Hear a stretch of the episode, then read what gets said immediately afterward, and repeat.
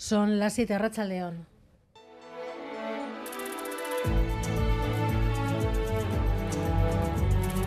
Gambara con Arancha García.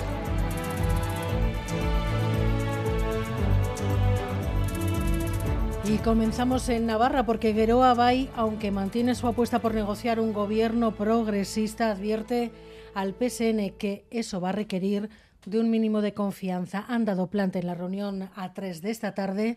¿Por qué hoy en Arangoa?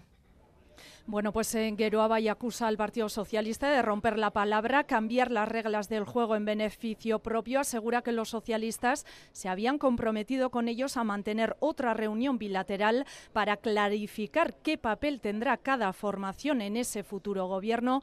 Antes de empezar a hablar de otros contenidos, compromiso dice que han incumplido eh, los socialistas convocando de manera unilateral una reunión a tres a sabiendas de que Abay no acudiría. Pide que se restablezca esa confianza para seguir negociando porque asegura María Solana han demostrado que son de fiar. Abay sigue apostando por un gobierno plural y progresista.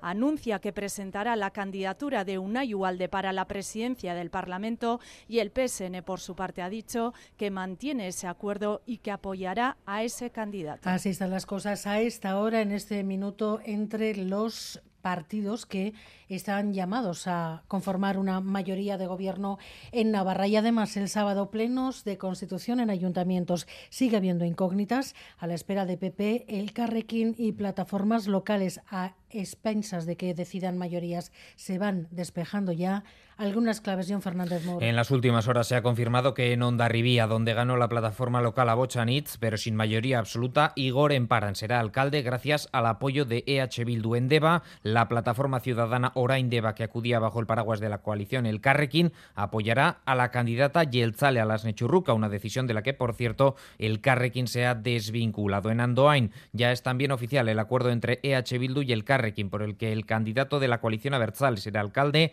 y en Vizcaya, Rigorriaga, Maite Ibarra repetirá como alcaldesa tras el acuerdo entre su partido, EH Bildu, y las plataformas ciudadanas Arrigorriaga Gará y Noa en Álava. Por último, en Laudio, reunión dentro de una hora de la plataforma Omnia, donde decidirán si dan la alcaldía a PNV o EH Bildu. Y la única candidata, la única concejala de Vox está en la pequeña localidad navarra de San Adrián y allí van a servir para que UPN desaloje de la alcaldía al Partido Socialista. UPN se justifica en el argumento de que si el PSOE pacta con EH Bildu, porque ellos no van a hacer lo mismo. Lo ha dicho así Enrique Maya.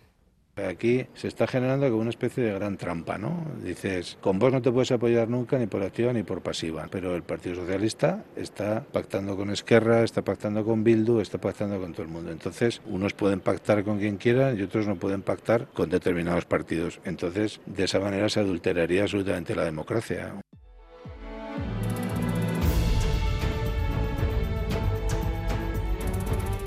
Osakidecha y los sindicatos han iniciado un tímido acercamiento después de casi un año sin reunirse. Los sindicatos dicen que ha habido avances mínimos en la reunión de hoy. Se han emplazado todos a una segunda reunión en 15 días. Y en el Parlamento el Gobierno ha explicado las líneas generales del decreto que actualizará el uso del euskera en la Administración, en la Archancha, en Osakidecha, a partir de de un eje, perfiles asimétricos adaptables a cada puesto. Su aprobación, eso sí, podría retrasarse, podría no llegar esta legislatura. Gure asmoa ez da, legintzalde honetan bai ala bai eh, onartu behar da. Gure asmoa da, ondo asmatzea, erantzukizuna handia dalako. Ez goaz egiterak gauza bat egingarria estana, errealista estana. Ez nuen hau espero. Bagralde honetatik eta esandako hitzetatik atera daitekin ondorioa da, legintzalde honetan ez dela onartuko. Xok egoera nago. Eran la viceconsejera de Política Lingüística Miren Dobaran y Rebeca Overa de EH Bildu. Estamos pendientes también en esta gambara del adiós a una época en Italia. Silvio Berlusconi ha sido despedido esta tarde con honores de Estado David Beramendi. Entre aplausos y gritos de sus seguidores.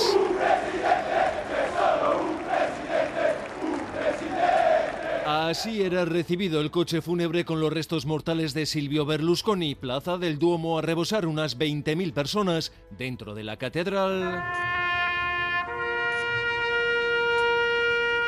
Funeral de Estado con todos los honores. Presencia de Mattarella, presidente de Italia, y de Meloni, primera ministra, también de toda su dinastía, pero nada de líderes internacionales. Questo superuomo lo definirei, ha significato tanto. Italia despide al superhombre, como dice este seguidor, y cierra así toda una era. Con otra tragedia en el mar, al menos 78 migrantes han muerto en el naufragio de un pesquero en aguas griegas. Se teme que haya más desaparecidos. Hasta el momento se han rescatado con vida más de un centenar de personas, pero se cree, se teme que a bordo podría haber entre 500 y 700 personas. El barco había zarpado desde Libia y ahora se investiga por qué, si fue avistado por un avión de reconocimiento del Frontex, la agencia que vigila las fronteras de la Unión Europea, por qué no se les prestó ayuda. La explicación oficial es que sí se hizo, pero que el pesquero la rechazó. Estamos pendientes de esa investigación y también pendientes de la Reserva Federal, porque parece que va a oficializar el fin de las subidas de tipos de interés en Estados Unidos, corresponsal Jerey Díaz León. El principal objetivo de la Reserva Federal es reducir la inflación que hace un año aquí en Estados Unidos superó el 9%. Pero hoy podría decidir dejarlo estar, pausar la subida, aunque los expertos apuntan que no sería por mucho tiempo, pero valdría para ver cómo reacciona la economía y si la inflación sigue enfriándose. En unos minutos conoceremos la decisión y la explicará Jerome Powell, el presidente de la Reserva Federal. En cualquier caso, por primera vez en 15 meses, sobre la mesa está mantener los tipos de interés tal y como están. Y los deportes, Asier Medina, Rachaldeón. A Rachaldeón comenzamos con fútbol. Osasuna ha anunciado los encuentros que disputará en pretemporada. Serán siete, entre los que se encuentran un partido contra la Real y otro contra el Alavés. En el Athletic crecen los rumores en torno al futuro de Nico Williams y su posible marcha al Aston Villa. Y en clave femenina, el club rojiblanco ha anunciado la renovación de Garasi Murúa.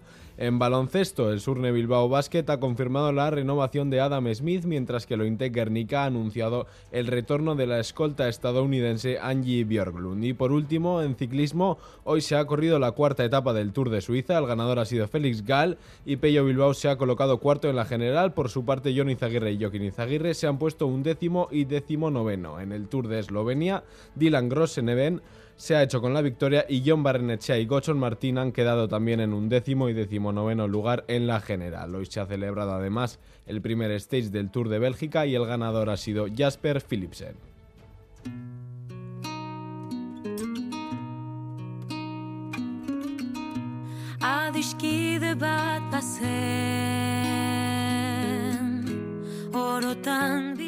Nuestra contra hoy es para Rosalén y la Sinfónica de Bilbao, juntos antes del concierto Ura de Videan en el BEC el 28 de octubre. Xavier Madariaga.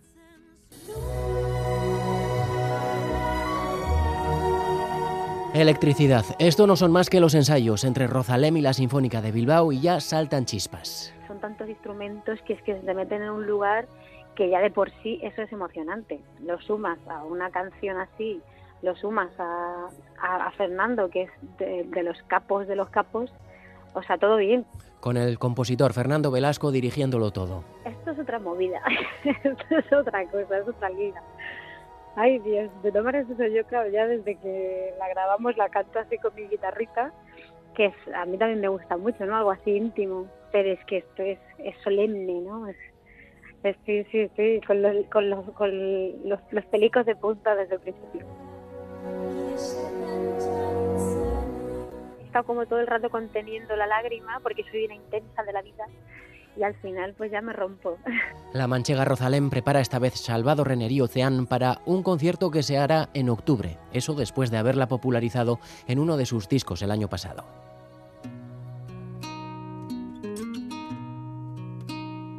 Estoy como temblando ya para lo de octubre porque bueno, va a ser muy emocionante y creo que también es muy simbólico.